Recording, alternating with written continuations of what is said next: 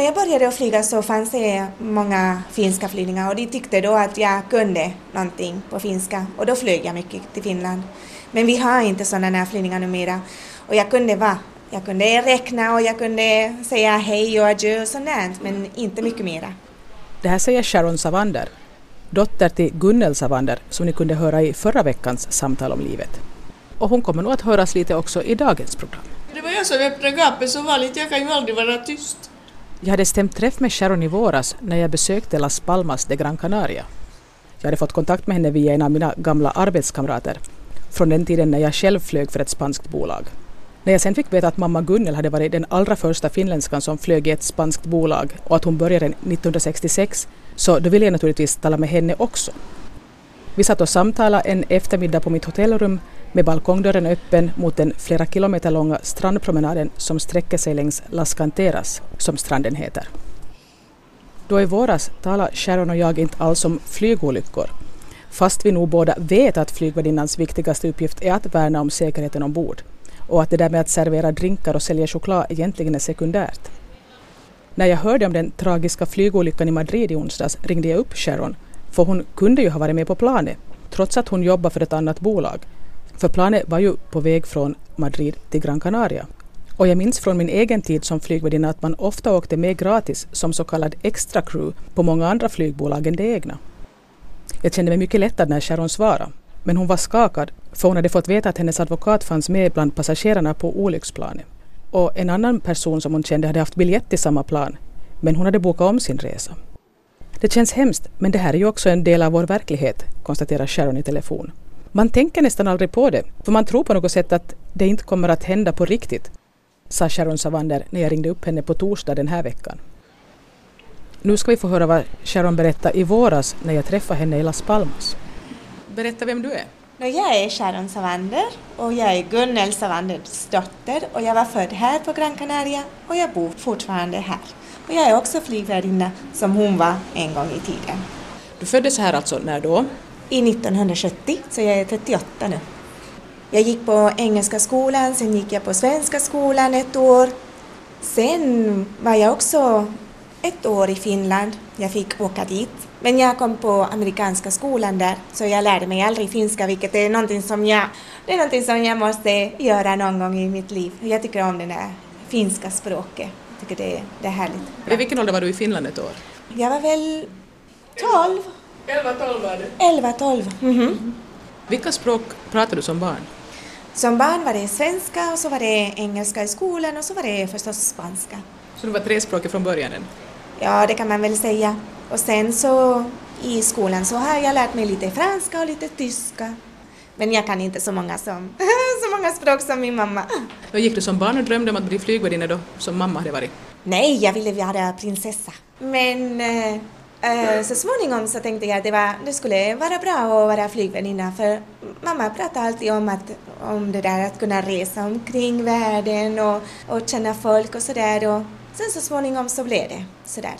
Och det var en tid också, jag tänkte att jag skulle bli veterinär men då hade vi en katt hemma och hon var sjuk och, och då jag var nästan där på kuppen och svimma. Så då blev det ingen veterinär. Och jag var inte alls så, så bra heller på att läsa i skolan så, och det var mycket läsande med att bli veterinär. Så då blev det flygvärdinna så småningom. Jag frågade Sharon om hon sen skaffade sig någon vidareutbildning efter den här engelska skolan. Nej, inte egentligen. Nej, det var lite problem där. Jag skulle ha måste ha åkt till England för att fortsätta, eller då till, till Madrid. För eftersom mitt utbildning hade varit med den här engelska, det var inte, man kunde inte översätta det till den spanska. Det gick inte att vad heter överföra? Överföra, ja. Nej, så det blev jättesvårt på det sättet. Så till slut så gjorde jag inte någonting. Jag åkte inte till England och jag åkte inte till Madrid heller. Då gick jag in på en sån här modellskola och jobbade lite som modell. Det gick inte. Och sen så småningom så, så tyckte mamma att jag skulle kanske försöka komma in på en sån här flygbolag. Men det var då, då hade jag problem också med min pass, för jag var född här och trodde att jag var spanjor. Och sen när jag gick för att ta ut min ID-kort och det där så sa de nej, men du är inte spansk. Nähä, så då måste jag liksom börja om med alla papperna för att bli spanjor. Och då hade jag min finska pass när jag kom in på den här flygbolag. Och de, de sa att jag skulle kunna komma in och flyga men inte vet jag, sen till slut så tyckte de att det var jobbigt för att få den där någon sorts... Uh, Arbetstillstånd? Ja, och de tyckte att jag kunde hålla mig hemma då. Och då började jag om på nytt med det här spanska för att få den där passen och allt det där och alla papperna i ordning. Den spanska byråkratin kan vara påfrestande, det vet jag, för jag var ju själv tvungen att skaffa arbetstillstånd varje år jag jobbade där. När Sharon sen till sist fick sitt spanska pass sökte hon jobb på ett annat spanskt flygbolag och den här gången fick hon börja flyga. För då hade jag min spanska nationalitet. Så du var egentligen finsk medborgare fram till dess? Mhm. Fast jag hade som barn spansk... Aha. Jag hade spansk pass som liten som jag åkte omkring. nationalitet hade hon. När hon blev 18 år så fick hon välja. Aha. Hon borde automatiskt ha valt men när det gått över tiden så då måste hon göra hela Ah, pappersexercisen. okej, så det var det som... Så du hade inte vetat om att du, att du, att du borde ha... Nej. Ingen aning. Ingen aning. Så det var jättejobbigt det där. Det gick ett år för att få alla papperna i ordning. Åh, Men sen fick Sharon alltså jobb på ett spanskt flygbolag och där flyger hon fortfarande. Jag förstår att du har ett par tvillingar du också, så du, din mor slutade flyga när hon blev mor men du har inte... Nej, för det är andra tider. När jag började så var det få som hade barn. För då var det inte liksom ja, att en som flög, en flygväninna skulle ha barn. Det var, det var lite, det var svårt att liksom hålla huset, barn och sen flyga. Men nu har det gått så långt att, eh, att det är lättare. När vi blir gravida nu så får vi stanna hemma hela graviditeten och sen så, så får vi ha sådär halvtidsflygning som att säga. Det gör det lättare också att man kan vara hemma. Jag har haft det när de var mindre, mina barn, de, är, de blir tre nu. Men när de var lite mindre så arbetade jag också halvtid. Men hur många månader kan man då i Spanien vara hemma med barn och få betalt för det? Fyra bara. Fyra? Bara. Jag hade fyra och en halv och jag hade två. Så jag fick 15 dagar till. Men det är inte alls som hemma. Du säger, du säger hemma och Finland här också? Ja, lite sådär, inte vet jag. Det, någon gång har jag tänkt äh, flytta dit. När jag var där, som, äh, när jag var 11 och sådär, så tyckte jag inte så mycket om Finland. Men nu när jag har varit där nu de sista tiderna så tycker jag det, liksom, det är så lätt att bo där på något sätt. Det är så, jag vet inte, det är så lugnt. Här är det så livligt. Här är det alldeles för livligt och inte vet jag. Där skulle jag kanske trivas med mina barn och dessutom så har man så mycket hjälp där också. Skolan, den, den betalar man inte där och här får man betala så hemskt mycket för barnen. Måste man betala för skolgången här? Ja, man vill ha en sådan ordentlig utbildning för barnen. För går man på en sån här uh, vanlig... Nej, men går man på en sån här folkskola här så då går det sådär att alla, ja, alla går på samma gång. Och blir det någon som blir efter så blir alla efter. Och då, här måste man liksom ta barnen och, och föra dem till en privat skola och det är jättedyrt här. Men går dina barn i skola? Nej, Nej, vi det går ännu till en sån här dagis. Men jag får betala 400 euro för att vi går på dagis. Och ska de så småningom gå på en ordentlig skola så får jag betala lite mera. Så det är dyrt. Jag frågar Sharon om det finns någon man med i bilden, för hon har inte nämnt någon sån. Jag är gift, men fadern han är i Afghanistan just nu. Så jag måste ha en au pair och hon är tysk och hon är ung. Hon har blivit just 19 år. Så det är hon som sköter om mina barn medan jag är här med dig. Hur kommer det sig att din man är i Afghanistan? För han är militär. Han är spansk. Han är spanjor och han, han är där. Han ville åka dit själv. Är du orolig? Nej, Det kan ju hända ett och annat där. Jo det kan hända. Men jag är inte orolig. Han är där han vill vara.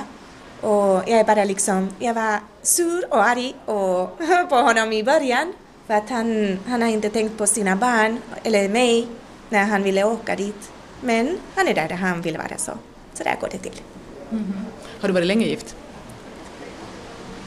Tio år blir det. Blir det? Nio, Nio, nio, nio blir det. nio. När vi talar om ditt pass och sådana där saker, vad skulle du säga att är din identitet? Alltså är du, är du en eh, finländare som råkar vara född i... Definitivt inte hon är finlandssvensk. Okej, det sa din mor. Vad skulle du säga att din identitet är? Nu, då skulle jag säga There I lay my head, that's my home.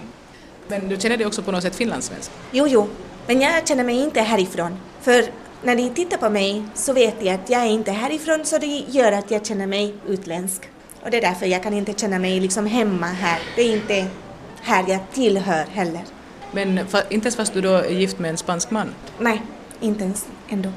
Och mina barn, de har nog varit födda här också och inte ens ändå känner mig jag, som jag skulle vara härifrån. Nej. Jag Har du, har du spanska vänner där var du bor? Nej, nej jag har inte... Jo, jo, lite längre ner har jag någon vän. Och jag har kompisar som bor omkring mig men de är inte spanjorer. Jag har bara en, en väninna som, som hon är härifrån, från ön. Men annars, ingen annan.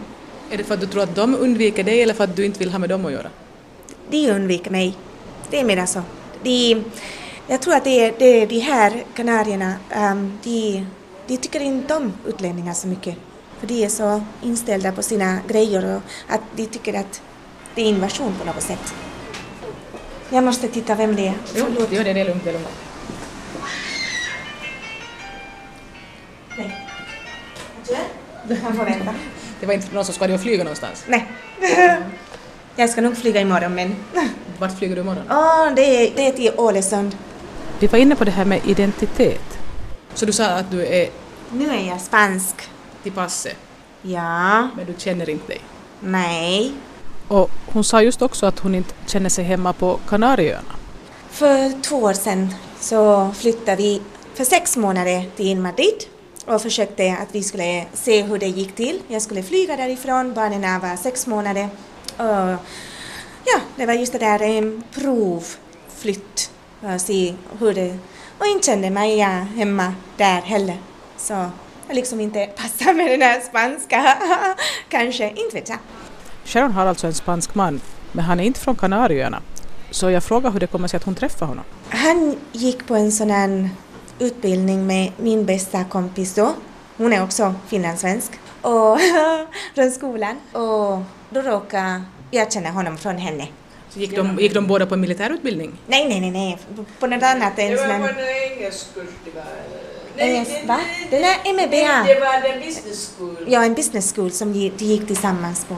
Så blev de goda kompisar och så började vi så småningom att känna varandra. Så det är din eh, väninnas eh, förtjänst eller fel att du träffade din man? Ja, just det. Var det så att när du träffade honom var ditt, ditt livs stora kärlek, du kände att nu har jag hittat mannen i mitt liv? Nej, nej, i början var det inte så. Men, men kanske så, så blev det så så småningom. Men nu tänker jag inte på samma sätt.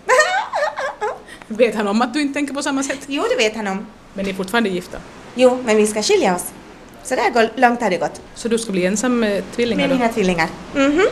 Hur tycker du om det då? Det passar mig. Jag vill inte bo ihop med en man som inte som inte hör ihop med mig eller med mina barn. Våra åsikter om livet, om barnets uppfostran och om allt i allmänhet är väldigt olika. Och barnen har gjort att vi ska komma mera ifrån varandra. Så du märkte inte de här skillnaderna då när ni ännu inte hade barn? Nej, inte så mycket i alla fall, men nu med barnen så, så har jag insett mycket mera. Vilka är de här största skillnaderna? Är det liksom just att han inte vill vara hemma med barnen eller att han är just för att i Afghanistan och sådant eller är det annat också i inställningen till hur man uppfostrar barn och sånt? Han är så strängt, han är så hård. Och nej, det, det, det går inte, det passar inte med mig. Att barnen ska vara inlåsta i sitt rum för att de ska inte bråka med föräldrarna.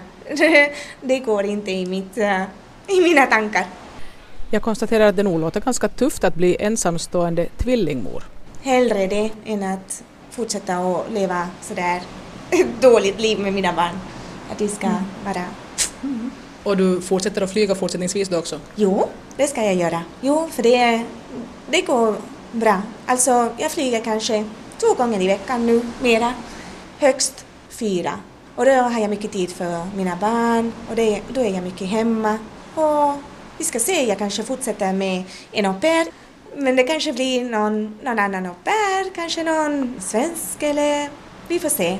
Eller så småningom så hittar jag nog, jag måste ha hjälp, det måste jag. Jag tänkte det för det där flygvärdinnejobbet så det är nog en sån livsstil att om man är ensam mor så det är lite svårt att... Nej, det går inte. Nej. Och dessutom för det är inte som mamma sa just att hon var på flygfältet klockan nio utan jag måste vara på flygfältet klockan sex. Och då är dagisarna eller skolorna inte öppet ännu.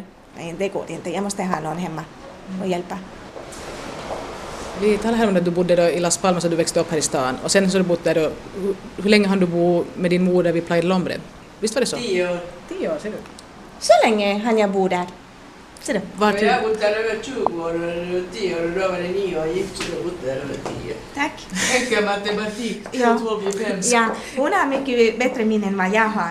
när jag träffade Sharon och Gunnel i våras så bodde Sharon på Gran Canarias norra del, lite uppe i bergen där det är ganska grönt men också betydligt svalare och fuktigare än på öns sydsida som man allmänt på Gran Canaria kallar södern. Och det är för övrigt där, på sydsidan, som alla de stora turistorterna finns. Men i vilket fall som helst så då i våras när jag träffade Sharon och hon hade bestämt sig för att skilja sig så funderade hon också på att göra vissa andra förändringar i sitt liv. Så nu håller jag på att tänka att flytta till södern. Där till svenska skolan ska de gå och så ska vi till solskenet.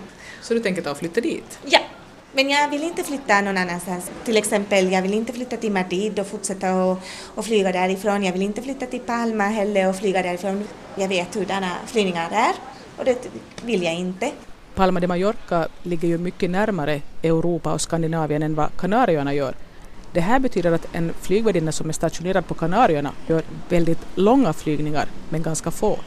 Medan en flygvärdinna på Palma de Mallorca har många och korta flygningar. Där får man flyga alla dagar och jag är inte van vid det. Och sen på vintern har man mindre att göra och, det, och då får man mindre lön. och det vill jag inte heller. Så jag föredrar att stanna här och flytta till södern. Och då fortsätter jag med min, mina vanliga flygningar två gånger i veckan och den vanliga lön som jag är, jag är mina nöjd med. Är det fortfarande så att det där flygvärdinnor har relativt sett bra lön jämfört med vad andra förtjänar? Vi har fortfarande mera lön än sådär, eller vi, det anses att vi har bättre lön. Alltså, när jag flög för 20 år sedan så var det, hade vi utbildade läkare som jobbade som flygvärdinnor därför att de förtjänar bättre som flygvärdinnor än som läkare. Ja, ja, ja, men fortfarande är det lite sådär också. Så att eh, det är också bra för oss. Nå, Det som jag frågade av din mamma som jag måste fråga av dig också, att eh, är det fortfarande på det sättet att eh, det förekommer mycket sådana märkliga relationer mellan piloter och flygvärdinnor och sånt där, att de här gifta piloter har sina älskarinnor och sånt Nå, nu har de det. och alla vet om det, utom frun. Nå, nu vet frun om det också. Men det är inte så många. För vet du, nu har de försökt göra det sådär att förut gick vi alla på samma hotell, piloterna och flygvärdinnor. Men nu försöker de få oss att komma ifrån. Så att piloterna får gå på ena hotell och flygvärdinnorna får gå på en annan. Så att det ska inte bli så Är mycket det kontakt. uttryckligen därför som man har gjort det? Ja. Men det är knappast ett speciellt effektivt sätt att hindra relationen mellan piloter och flygvärdinnor. Det finns taxi och bussar och, och ben. Alltså ingenting har alltså förändrats. Nu har det gått ner det där ganska mycket. Det är inte så mycket, men man ser det i, i alla fall. Nu går det där. Det är som på alla jobb också. Jag menar, men liksom läkarna och de, och de här sjuksköterskan, det vet man också och det går på andra jobb också. Men det här är kanske lättare för att man är borta hemifrån. Men jag undrar bara, eh, då när jag var med så minns jag att det fann, jag tyckte det var så otroligt naiva de här, de här 19-20-åriga flickorna som började vara ihop med en sån här 40-årig pilot som faktiskt trodde att han skulle skilja sig. Jag tänkte men är de lika naiva fortfarande, de som då unga flickor som beblandar sig med? Nej, inte alls. Nej, de är inte alls så naiva. De vet vad de vill. På min tid, jag var så liten. När jag var 19 så var jag så liten. Jag var bara liksom... jag gick omkring med, med tummen i munnen. Men nu för tiden, flickorna som kommer in med 20 år så, så verkar det som om de skulle veta hurdant livet är. Det är ett annat stil nu med, med de där unga flickorna. Det är det nog. Men du sa, var du, var du 19 när du började flyga då? Jo, Och du var lite oskyldig? Jo, jo, ja, jag, var, jag var som en liten, som jag skulle vara åtta år när jag gick omkring i flygplanet. Jag var så liten så. Men det kom också de där gamla piloter upp till mig och Oj, din söta du, ska vi gå ut på middag? Mm. Nej tack. Så du gick aldrig på middag med någon äldre pilot? Nej. Om jag ska gå ut så, så går vi i grupp. inte med en ensam. Nej, det går inte. Finns det någonting som du, liksom tycker, som du störs av i det här arbetet, den här sortens livsstil som flygvärdinnejobbet innebär? Du har ju ändå jobbat ganska länge så att... Som stör mig? Ja. Nej, det är ingenting sådär som riktigt stör mig. Och det är egentligen sådär att för varje år som går så tycker jag att det är bättre. Så att jag är, jag är lyckligare med mitt arbete. Det är inte alla som kan säga att de arbetar med det som de tycker om. Men det kan jag. För det... Så på det sättet är du hemskt privilegierad? Mm -hmm, på det sättet. Mm -hmm. För jag tycker om att göra det jag gör och inte, inte har jag någonting sådär som jag tycker att det, usch det där tycker jag inte. Och det, nej, det finns inte någonting sådär. Ni flyger kanske inte sådana flygningar att ni har sådär fruktansvärt mycket aspackade skandinaver längre då? Nej, det gör vi inte numera. Nej, för eftersom de får inte röka ombord så, så, så behöver de inte dricka så mycket mera. Så att, och jag håller nog mycket koll på dem. För um, flaska som jag ser, flaskan som jag tar bort och människor som jag ser som börjar bli lite full, människor som inte får dricka mera i mina flygningar. Mm. Andra vet jag inte, men mina. Är du kabinchef? Mm, jag har varit nu för nio år, tio år. Jag måste titta på henne för det är hon som har koll på mitt liv också. Eh, du har flugit hur många år? Från 1986. 89, förlåt. Det blir alltså... Ja, men jag har, jag har inte flugit så många år, men det blir omkring 17. Ja, Allsammans ja. 17 blir det. Ja. 17. Det är ganska länge. Mm. Mm. Så ser du din framtid som att du kommer att fortsätta att flyga tills du uppnår pensionsåldern? Ja, jag vet inte när det där... jag vet inte, för då, då är jag så gammal så. Men 10 år till, 15 år till, ja det kan gå. Och sen talade du någon gång här i något skede när vi pratade kanske med av mikrofonen, du ville flytta till Skandinavien sa du, men eller var det nu tidigare du ville flytta dit? Ja, jo, jag hade tänkt att jag skulle kunna flytta. Jag har ännu tänkt att jag skulle kunna flytta till, till Finland. Inte till Sverige, jag skulle till Finland i så fall. Men inte vet jag. I framtiden? Ja, jag tror inte att jag vill dö här. Jag tror inte att du skulle klara av klimatet, det är för dyrt. Det är så sabla dyrt livet i Finland. Men det är dyrt överallt. Jo, men det är tre gånger, sju gånger dyrare där uppe än här. Det beror på livsstil. Jag hade en gång tänkt att jag skulle kanske försöka flyga från Finland med Finnair eller med någon annan flygbolag. Men för det så måste man ha den där finska. Så om jag skulle vara en, ett år i Finland och bara läsa finska så kanske det skulle kunna gå till. Nu skulle jag ha så... Va? Jag märker någon sorts liksom motstånd där från det här modershållet när det gäller din flyttning till Finland. Jag vet inte om hon talar i eget intresse, hon vill inte att du ska fara någonstans. Ja, jag tror det också. Definitivt. Jag är mera en lugnare typ än min mamma. Jag börjar märka att det tycks ja. finnas en viss... Du tycks ha fått någonting någon annanstans ifrån också. Jo, ja, det är, det är inte allt därifrån eller?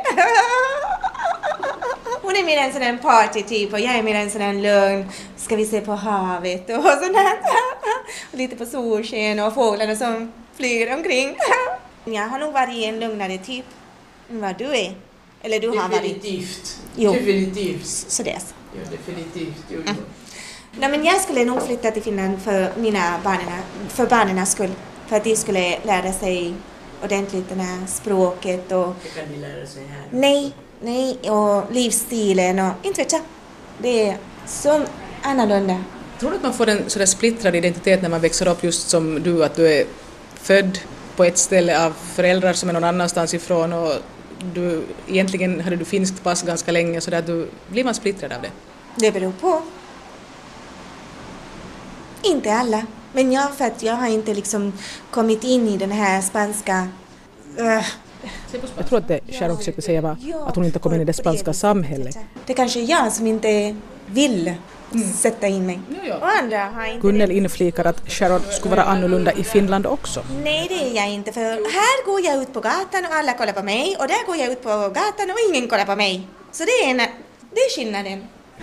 Men där skulle du ha en bakgrund som skulle vara så annorlunda att du skulle ha helt andra erfarenheter, du skulle kanske känna dig främmande där också. Kanske. Kanske, men det är bara att prova. Mm. Inte har jag känt mig främmande där. Men du har inte bott där? Utan jag har bott, ja, den där, ja. Mm. Och då var jag med, med, med de där amerikanare och alla de där. Och de var också, de var inte från Finland så att mm. hm, måste man tänka lite mera på då, på den saken och prova. Det är bara att prova. Ska jag flytta? Alltså ibland så provar man först och tänker sen och andra gånger så tänker man och tänker och tänker och gör ingenting så det är nog Det finns många sätt att göra, eller inte göra saker. Ja, ja, vi får tänka lite mer och sen får vi se om vi gör någonting. Jag skulle nog ta ett års, vad säger man, äh, äh, och försöka dit med barnen. Vi får se, det är bara att prova. Att lite återknyta till de rötterna liksom och se om de, om de rotar sig på nytt. Ja, och se om det passar. Mm. Det vet man ju aldrig. Nej, Det var något jag tänkte på här nu med det här med identitet och någonting. Har du kontakt alls med din far? nej, Inte nå? nej. Är det någonting du någon gång har saknat? Jo, någon gång förstås. Mm, där började hon. Och du vet, Jag fick faktiskt någonting här. Jo, Nej, nej, hon får säga precis vad hon vill om det fallet. Det är inte frågan om det. Gunnel Savander berättade i förra veckans samtal om livet att Sharons pappa inte har funnits med i bilden sedan Sharon var ganska liten jo det, var, det var då när jag kom in i den där um, tonåring som det var svårt då. För då, då tyckte jag att det var någonting som saknades faktiskt. En, en annan åsyn, en annan figur som inte var där.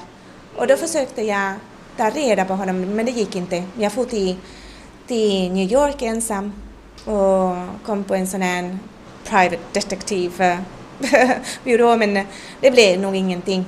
Jo, men han är nog fortfarande i Fresno har jag hört. Han är nog fortfarande va? I Fresno. Fresno? Jaså, då får vi åka dit då. Men jag hinner inte numera att tänka så mycket på honom för nu har jag två små barn så att det har gått liksom... Men så du, du lyckades inte få något spår efter honom då när du var där och Nej. sökte? Nej. Nej men i alla fall, i alla fall så, så det är någonting som har gått eh, över nu den där krävande av fadern. Jag har försökt och har det inte gått så. Men det är bara att mina barn vet vem fadern är. Nu får vi se hur Jo, det det går till. han det också. det, det är misstag. Hon får explain. Nå, nu har du öppnat munnen, du får Ja. säga till. Ja, det var nog ett misstag att det blev två. Två barn? Det var nog ett misstag att det blev... Hon skulle vara lika bra utan barn. Jag påpekar att Gunnel själv sa att hon hemskt gärna ville bli mor. Så varför säger hon så där om dottern då? Nej, men jag gjorde det med flit och hon hade konstgjord in, infattning. Konstgödsel. Om jag förstår saken rätt så har det någonting att göra med hur de här barnen blev till. Hon menar att det ena är med kärlek och det andra inte med kärlek. Det är... Nåja.